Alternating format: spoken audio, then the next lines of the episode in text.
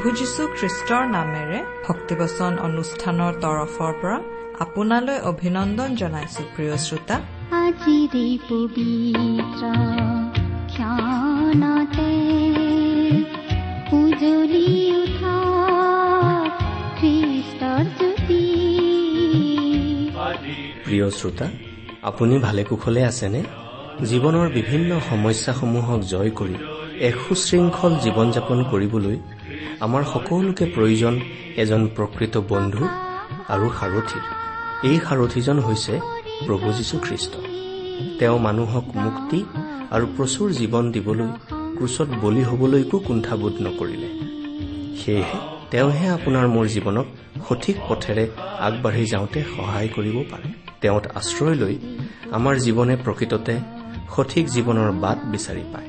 গতিকে তেওঁৰ বিষয়ে আৰু অধিককৈ জানিবলৈ পবিত্ৰ বাইবেলৰ এই শিক্ষামূলক অনুষ্ঠান ভক্তিবচন মনোযোগেৰে শুনো।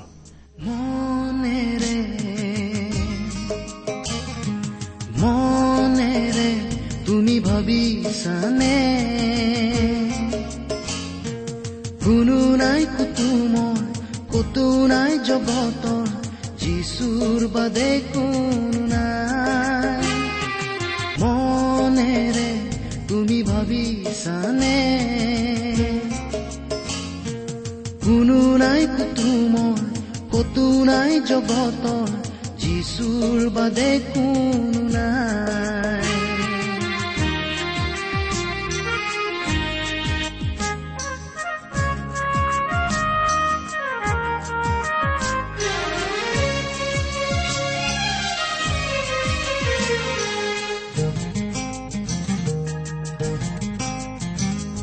তেজৰ তানে নাৰাখে কাকো প্ৰেমৰ ভাষা নুবুজে কোনো নুশুনে কোনো ইয়াৰ কান্দোন নুবুজে চকুলোৰ কোনো এমূল কাহত তোমাৰ যিচুৰ বাদে কোনো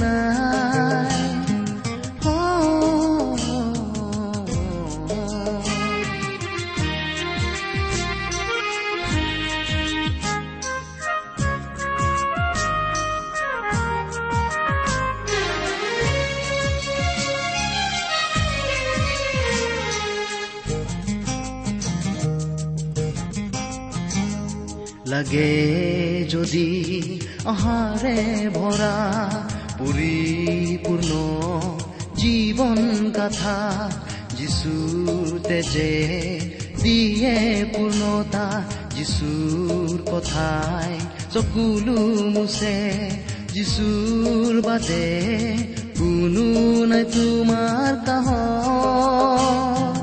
মনেৰে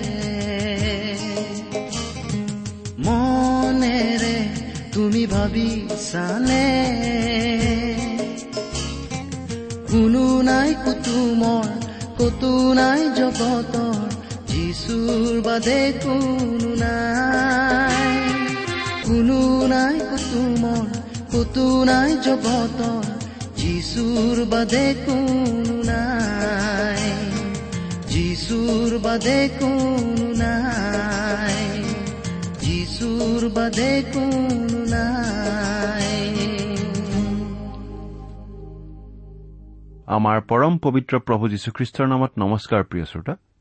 আপোনাৰ ভালনে বাৰু? আশা কৰো আমাৰ পৰম পিতা পৰমেশ্বৰৰ মহান অনুগ্ৰহত আপুনি ভালে কুশলে আছে। এয়া আকৌ আপোনালোকৰ ওচৰলৈ আহিছো ঈশ্বৰৰ মহান বাক্য বাইবেল শাস্ত্ৰ অধ্যয়নৰ বাবে। এই ভক্তিবচন অনুষ্ঠানৰ যোগেদি আমি গোটেইখন বাইবেল ইমূৰৰ পৰা সিমূৰলৈ অধ্যয়ন কৰিম। আদি পুস্তকৰ পৰা প্ৰকাশিত বাক্যলৈকে। আপুনি যদি আমাৰ এই ভক্তিবচন অনুষ্ঠান নিয়মিতভাৱে শুনি থাকে তেনেহলে আমাৰ লগতে আপুনিও গোটেইখন বাইবেল পঢ়ি শেষ কৰিব পাৰিব। এই বাইবেলৰ যোগেদি ঈশ্বৰে আমাক কথা কয়। আমাৰ দৈনন্দিন জীৱনৰ বাবে প্ৰয়োজনীয় কথাও কয় আৰু আমাৰ আধ্যামিক জীৱনৰ বাবে প্ৰয়োজনীয় কথাও কয়। বাইবেল অধ্যয়নে অগণন লোকৰ জীৱন সলনি কৰি দিছে। আশাহীনে আশা পাইছে দুখীজনে সান্তনা পাইছে পাইছে জীয়াই থকাৰ প্ৰেৰণা প্ৰকৃত সত্যৰ সন্ধান। এই কাম আজিও হৈ আছে। আমি বাৰু কেনেকৈ ক'ব পাৰিলো? কাৰণ আমি আমাৰ শ্ৰোতাসকলৰ পৰা চিঠি পত্ৰ পাই থাকো আৰু সেই চিঠি পত্ৰৰ যোগেদিয়ে আমি জানিবলৈ পাওঁ বাইবেল অধ্যয়নৰ যোগেদি তেওঁলোকৰ জীৱনত কেনেকুৱা প্ৰভাৱ পৰিছে সেই কথা। আচলতে আমাৰ শ্ৰোতাসকলৰ অলপ উপকাৰ হওক বুলিয়েই আমি এই বাইবেল অধ্যয়নৰ অনুষ্ঠানবোৰ প্ৰস্তুত কৰো। এই অনুষ্ঠান শুনি কৰবাত কাৰোবাৰ কিবা লাভ হোৱা বুলি গম পালে কোনোবাই কিবা আশীৰ্বাদ কিবা পোৱা বুলি জানিব পাৰিলে আমি নথৈ আনন্দিত হওঁ। আমি গম পাওঁ যে আমাৰ এই বিনম্ৰ প্ৰচেষ্টা অথলে যোৱা নাই। প্ৰিয় শ্ৰোতা আপুনি বাৰু আমালৈ চিঠি পত্ৰ লিখিছেনে? এই অনুষ্ঠান সম্বন্ধে আপোনাৰ একো মতামত নাইনে বাৰু? আমাক লিখি জনাওকচোন। আপোনালোকৰ পৰা দিহা পৰামৰ্শ গঠনমূলক সমালোচনা আদি পালেহে আমি আমাৰ এই অনুষ্ঠান অধিক মনোগ্ৰাহী কৰাৰ চেষ্টা চলাব পাৰিম। কোনো কথা অধিককৈ বুজিবলগীয়া থাকিলেও আমালৈ লিখিব পাৰে। আমি আমাৰ সাধ্যানুসাৰে আপোনাৰ প্ৰশ্নৰ উত্তৰ দিবলৈ চেষ্টা কৰিম। আহকচোন আজিও পৰম পিতা পৰমেশ্বৰৰ ওচৰত প্ৰাৰ্থনাত মূৰ্ণত কৰো হওক। আমি প্ৰাৰ্থনা কৰো আমাৰ স্বৰ্গত থকা অসীম দয়ালু পিতৃ ঈশ্বৰ প্ৰথমতেই তোমাক ধন্যবাদ দিওঁ কাৰণ তুমি যোৱা গোটেই নিশাটো আমাক নিৰাপদে ৰাখি আকৌ এটা নতুন দিন দেখিবলৈ দিলা। তুমি আমাক ইমানবোৰ আশীৰ্বাদ কৰি আহিছা যে আমি গণি শেষ কৰিব নোৱাৰো। আমি তোমাক পাহৰি গলেও তুমি আমাক নাপাহৰা। আমি অবিশ্বাসী হলেও তুমি বিশ্বাসী হৈয়েই থাকা। তুমি প্ৰেমময় তুমি দয়াময় তুমি কৰোণাৰ আকৰ। এতিয়া আমি তোমাৰ মহান বাক্য বাইবেল শাস্ত্ৰ অধ্যয়ন কৰিবলৈ আগবাঢ়িছো পিতা। তোমাৰ বাক্য তুমিয়েই আমাক বুজাই দিয়া। আমাৰ প্ৰতিজনৰ প্ৰয়োজন অনুসাৰে তুমি আমাক কথা কোৱা। তোমাৰ মাত আমাক শুনিবলৈ দিয়া। এই অনুষ্ঠান শুনি থকা শ্ৰোতাসকলৰ জীৱনত তোমাৰ প্ৰেম তোমাৰ অনুগ্ৰহ প্ৰকাশ পাই উঠিবলৈ দিয়া। তেওঁলোকৰ জীৱন আশীৰ্বাদেৰে উপচাই দিয়া। এই ভক্তিবচন অনুষ্ঠানৰ সৈতে জড়িত প্ৰতিজন লোককেই তুমি বিশেষভাৱে সহায় কৰা যাতে এই অনুষ্ঠান সুচাৰুৰূপে পৰিচালিত হয় আৰু সকলো তোমাৰ গৌৰৱৰ কাৰণেই হয়। এতিয়া এই অনুষ্ঠানৰ আৰম্ভণিৰ পৰা শেষলৈকে তুমি আমাৰ লগত থাকি এই অনুষ্ঠান তুমিয়েই পৰিচালিত কৰা। এই ভক্তিবচন অনুষ্ঠানৰ যোগেদি তোমাৰ প্ৰতি যেন আমাৰ প্ৰেম ভক্তি উপচি পৰে এনে আশীৰ্বাদ কৰা। কিয়নো এই প্ৰাৰ্থনা আমাৰ পাপৰ প্ৰাচিত্ৰ কৰিবলৈ ক্ৰুচত নিজৰ অমূল্য তেজ বোৱাই প্ৰাণ দি কবৰস্থ হৈ তৃতীয় দিনা মৃত্যুক জয় কৰি পুনৰ জি উঠি সোঁশৰীৰে সৰগলৈ গৈ এতিয়া আমাৰ হকে নিবেদন কৰি থকা জীৱিত ত্ৰাণকৰ্তা প্ৰভু যীশুখ্ৰীষ্টৰ নামত অৰ্পণ কৰিছো। প্ৰিয় শ্ৰোতা আমি আজি কিছুদিন ধৰি বাইবেলৰ নতুন নিয়ম খণ্ডৰ ইফিচিয়াবিলাকৰ প্ৰতি পত্ৰ বা চমুকৈ ইফিচিয়া পত্ৰ নামৰ পুস্তকখনৰ পৰা আমাৰ অধ্যয়ন চলাই আছো। নহয়নে বাৰু? আপুনি যদি নিয়মিতভাৱে আমাৰ এই ভক্তিবচন অনুষ্ঠান শুনি আছে তেনেহলে সেই কথা আপোনাৰ নিশ্চয় মনত আছে। কিন্তু এটা কথা আমি জানো যে কেতিয়াবা কোনো কোনো শ্ৰোতাই ইচ্ছা থাকিও কোনো এটা অনুষ্ঠান শুনাৰ পৰা বঞ্চিত হ'ব পাৰে কিবা অসুবিধাত পৰি। আকৌ এই কথাও আমি জানো যে কোনো কোনো শ্ৰোতাই হয়তো পোন প্ৰথমবাৰৰ কাৰণে আমাৰ এই অনুষ্ঠান শুনি আছে। সেই সকলো কথা মনত ৰাখিয়েই আমি বাইবেল অধ্যয়ন আৰম্ভ কৰাৰ আগে আগে আগৰ অনুষ্ঠানত আলোচনা কৰা কথা অতি চমুকৈ হলেও মনত পেলাই দিব খোজো।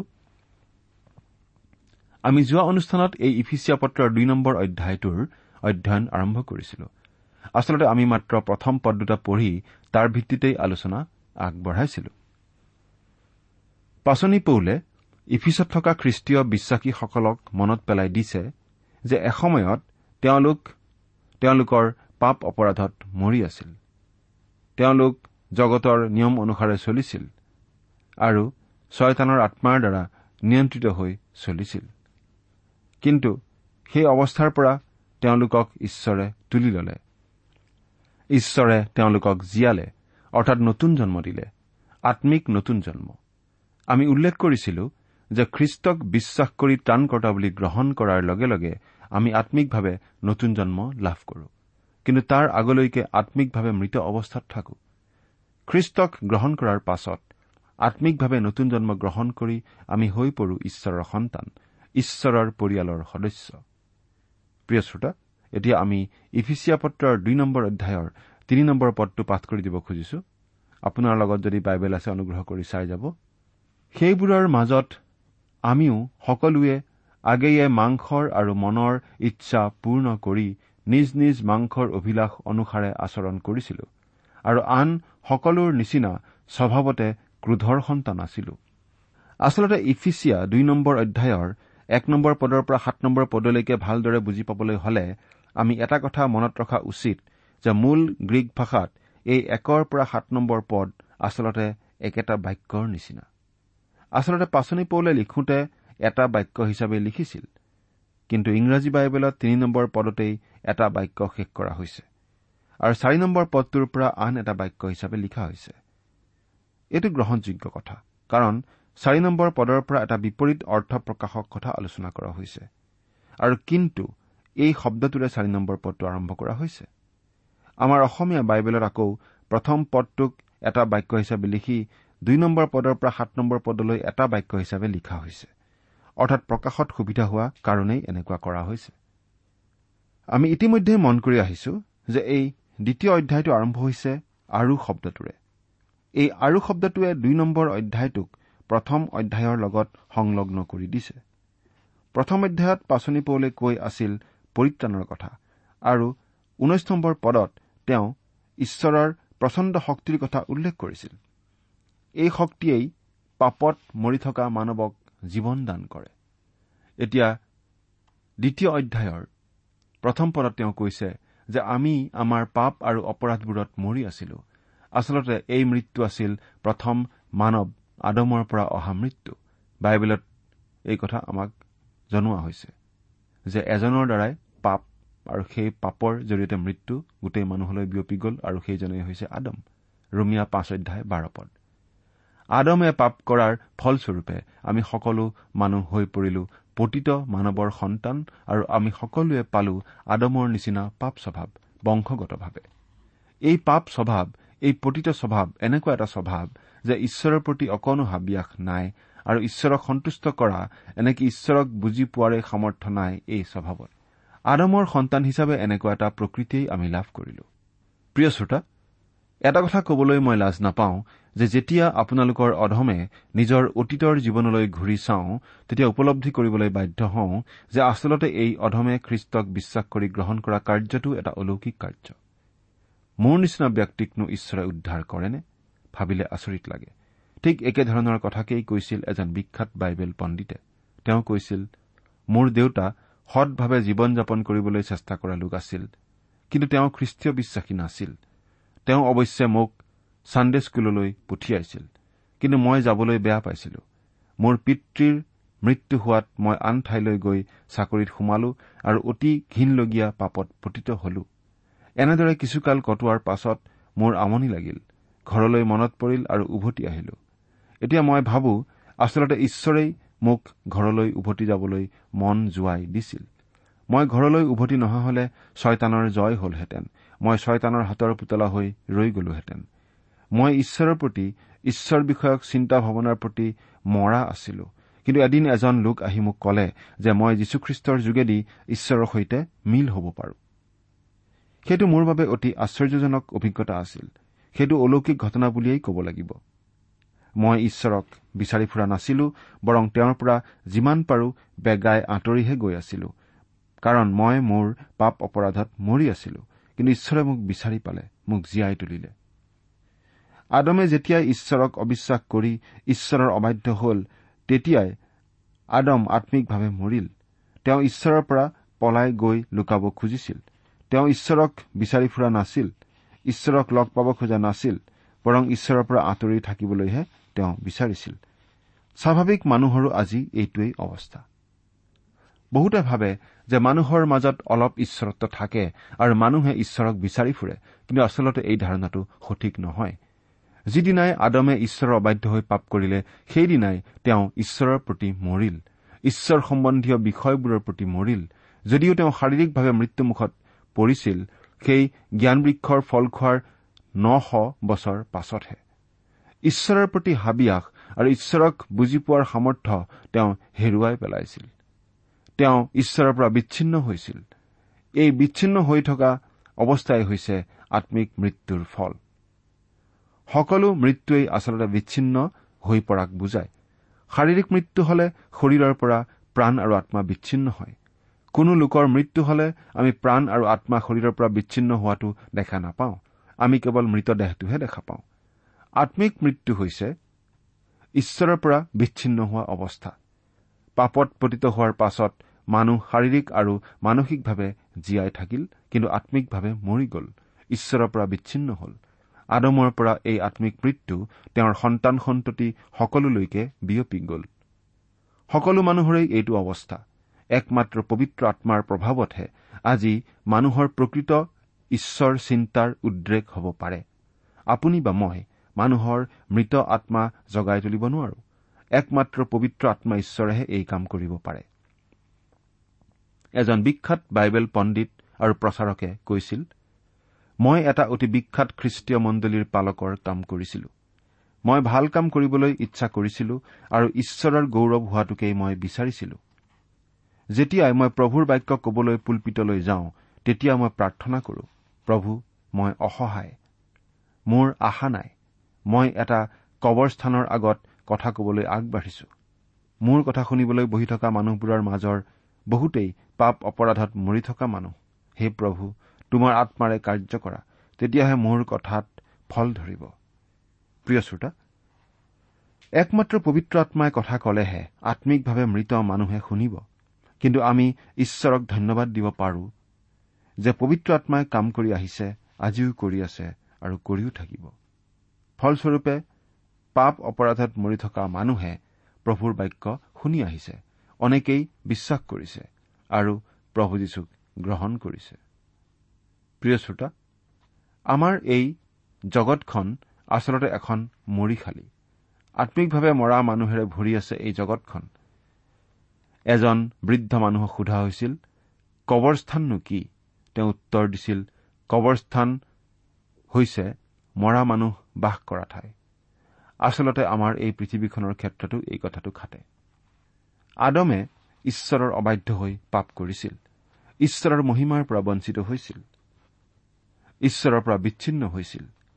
আমাৰ অৱস্থাও একেই কাৰণ আমি সকলো আদমৰ সন্তান। মানৱ জাতি পাপ আৰু অপৰাধত মৰি থকা অৱস্থাত আছে আৰু ছয়তানৰ দ্বাৰা সক্ৰিয় কৰি তোলা অৱস্থাত আছে। প্ৰভু যীশুক গ্ৰহণ কৰি পৰিত্ৰাণ পোৱাৰ আগলৈকে আমাৰ অৱস্থা তেনেকুৱাই আছিল। আমাৰ অতীতৰ অৱস্থা শোচনীয় আছিল। আমি এই জগতৰ নিয়ম অনুসাৰে চলিছিলো। এই সমাজ ব্যৱস্থাৰ সৈতে মিলি পৰি আনে যি কৰে তাকেই কৰিছিলো। ছয়তানৰ প্ৰভাৱত পৰি অবাতে গৈছিলো। কিন্তু প্ৰভু যীশুখ্ৰীষ্টক ত্ৰাণকৰ্তা বুলি গ্ৰহণ কৰি আমি নতুন জীৱন পালো। আমি জগতৰ অনুৰূপ হ'ব নালাগে। জগতৰ পৰা পৃথক হ'ব লাগে বুলি বাইবেলত কোৱা হৈছে। এই বিষয়ে বুজাওতে আমি সাধাৰণতে মাংসিক জাগতিক অভিলাষ আৰু কুকাৰ্যবোৰৰ পৰা আঁতৰি থকা কথাটোহে বুজাওঁ। কিন্তু আচলতে জগতৰ মূল পাপটো মাংসিক নহয় মানসিক আৰু আম্মিক মন আৰু আত্মা যেতিয়া ঠিক হ'ব তেতিয়া শাৰীৰিক অৱস্থাও সলনি হ'ব। মন আৰু আত্মা পৰিৱৰ্তিত হয় যেতিয়া আমি প্ৰভু যীশুক গ্ৰহণ কৰি আম্মিকভাৱে নতুন জন্ম লাভ কৰো আৰু তেওঁৰ নিয়ন্ত্ৰণত থাকি জীৱন কটাবলৈ শিকো। বহুতো লোকে প্ৰতি দেওবাৰে গীৰ্জালৈ আহে অতি ধাৰ্মিক অতি পবিত্ৰ ৰূপেৰে। তেওঁলোকে ভাবে তেওঁলোক জগতৰ পৰা আঁতৰি আছে জগতৰ অনুৰূপ হোৱা নাই। কিন্তু সোমবাৰৰ পৰা আকৌ তেওঁলোকৰ দৈনন্দিন জীৱন আৰম্ভ হয়। টকা পইচা সা সম্পত্তিৰ লালসাত চলন ফুৰণ আৰম্ভ হয় স্বাৰ্থপৰ জীৱন আৰম্ভ হয়। দেখাত কোনো ঘীনলগীয়া কুকাৰ্য নকৰিলেও অন্তৰৰ কু অভিলাষবোৰ স্বাৰ্থপৰতাবোৰ কিন্তু ঠিকেই থাকিব পাৰে।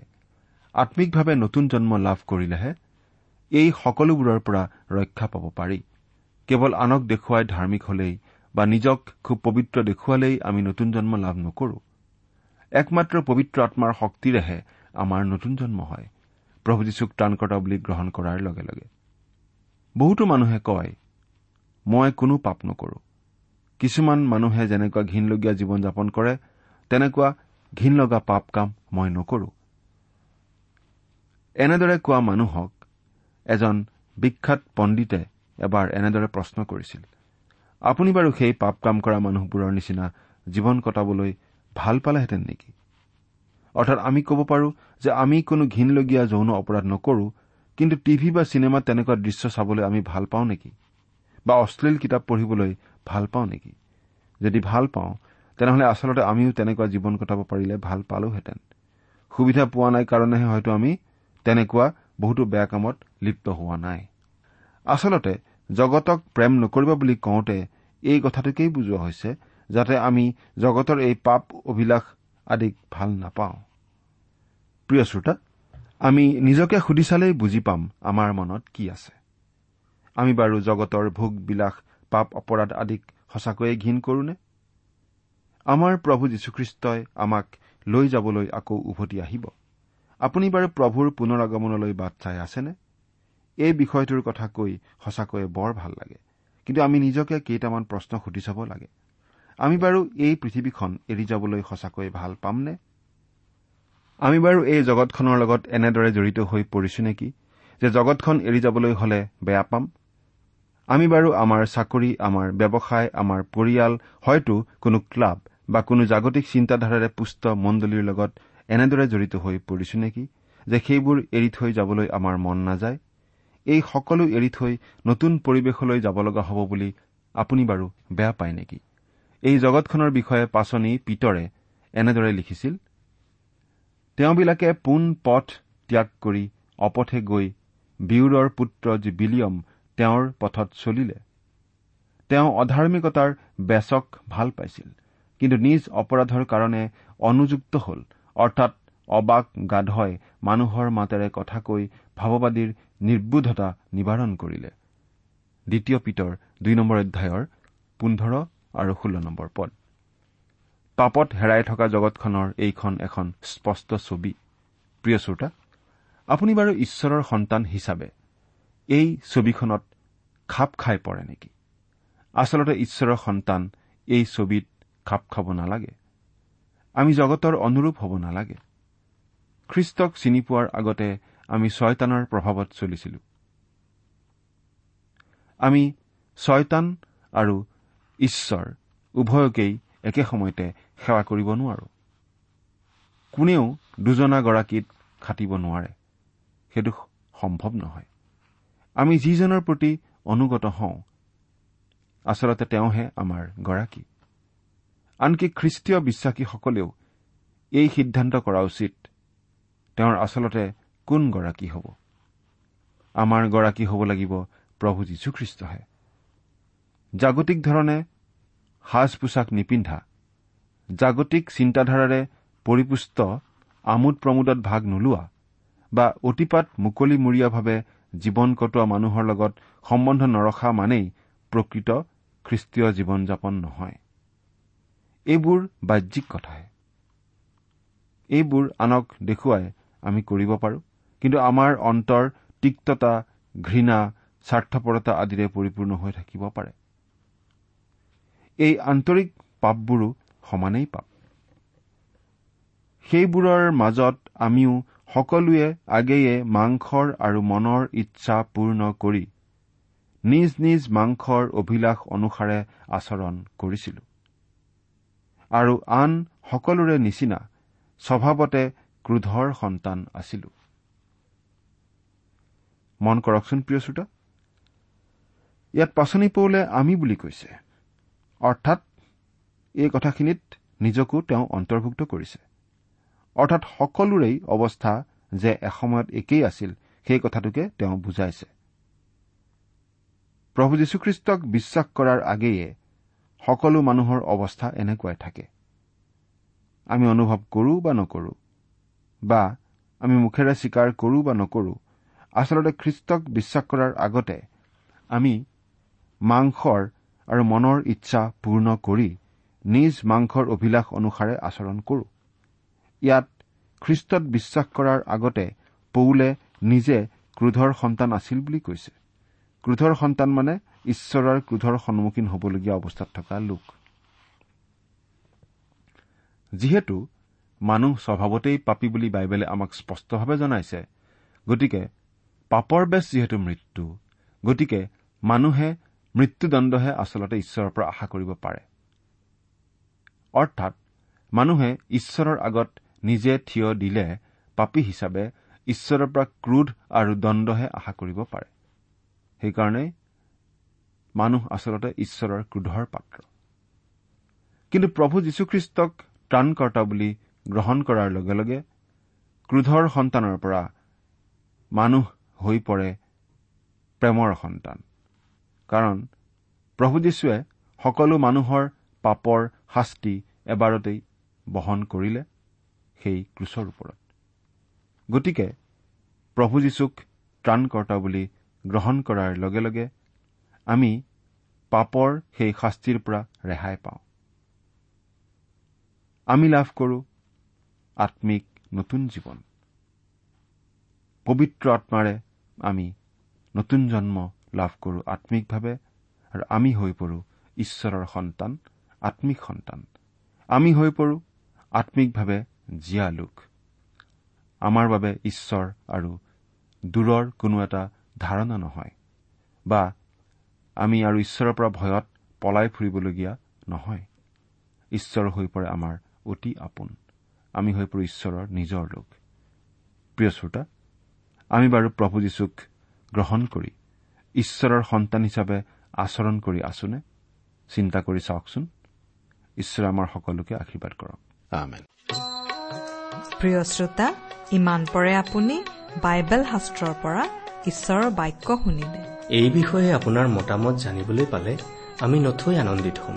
আমি প্ৰস্তুত কৰা বাইবেল অধ্যয়নৰ চিডিসমূহ পাব বিচাৰিলে আৰু অনুষ্ঠানত প্ৰচাৰ কৰা কোনো কথা বুজিব লগা থাকিলেও আমালৈ লিখক। আমাৰ যোগাযোগৰ ঠিকনা ভক্তিবচন ট্ৰান্সপল ৰেডিঅ' ইণ্ডিয়া ডাক বাকচ নম্বৰ সাত শূন্য গুৱাহাটী সাত আঠ এক শূন্য শূন্য এক। তোমাৰ চৰণে নভজিলো শৰণ মই মহাপাপী তোমাৰ চৰণে নভজিলো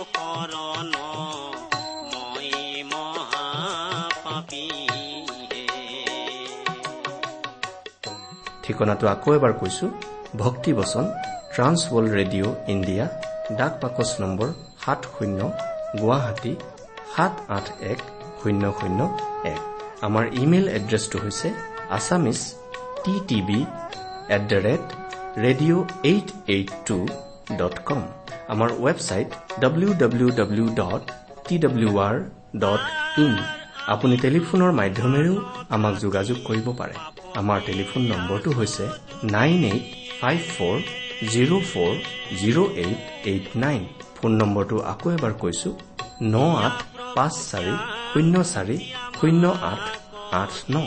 আপুনি এই ভক্তিবচন অনুষ্ঠানটি আমাৰ website radio' eight eight two dot কমতো শুনিব পাৰিব। আজিৰ অনুষ্ঠানটি ইমানতেই সামৰিছো। ঈশ্বৰৰ শান্তি আৰু অনুগ্ৰহ আপোনাৰ লগত থাকক। ধন্যবাদ। নভজিলো শৰণ মই মহাপাপী তোমাৰ চৰণে নভজিলো শৰণ